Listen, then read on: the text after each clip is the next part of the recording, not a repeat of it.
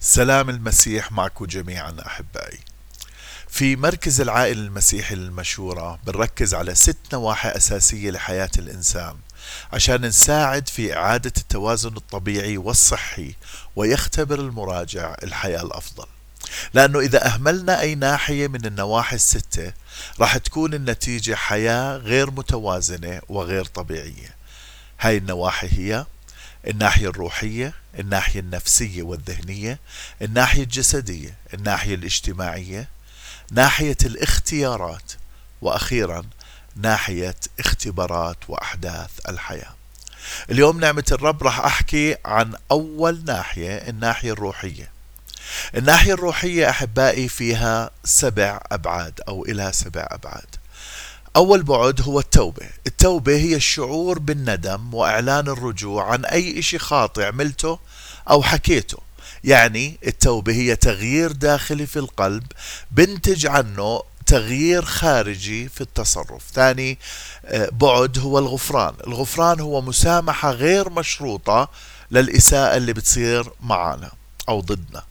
عدم الغفران بربط الشخص اللي مش غافر بروابط نفسية وشيطانية. ثالث بعد الخلاص. الخلاص هو النجاة من الموت الروحي وعبودية الخطية وضمان الحياة الأبدية. كلمة خلاص بتعني حرفيا نجاة أو إنقاذ وإنقاذ. الخلاص بتم بالإيمان بموت وقيامة الرب يسوع وتسليم حياتنا بالكامل إله. آه، البعد الرابع قصد الله لحياتنا. قصد الله لحياتنا أحبائي في ثلاث أفكار رئيسية. أول إشي أنه نحصل على الحياة الأبدية وأنه نوصل الحياة الأبدية للآخرين يعني البشارة يعني نحكي لهم. ثاني إشي بقصد الله أنه نتغير بالكامل حتى نشابه صورة الرب يسوع. ثالث إشي بقصد الله أنه نمجده بتكميل مهمتنا الزمنية والروحية. كل إنسان عنده مهمة زمنية وروحية. البعد الخامس صلوات الحرب الروحية وكسر اللعنات. في كل حياتنا راح يكون في حرب روحية أحبائي. وبدون ما نتعامل صح مع الحرب الروحية وبدون ما نكسر اللعنات ما راح نقدر نعيش حياة متوازنة أو حياة طبيعية ونختبر حقيقة الحياة الأفضل وحياة الانتصار.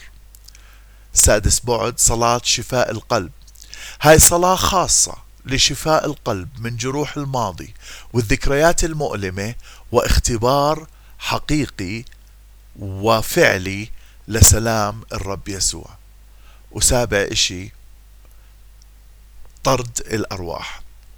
الإنسان أحبائي ممكن يتعرض لهجومات شيطانية بعدة مستويات. ممكن يكون هجومات ممكن يكون قيود أو إنه يكون ملبوس بالأرواح الشيطانية.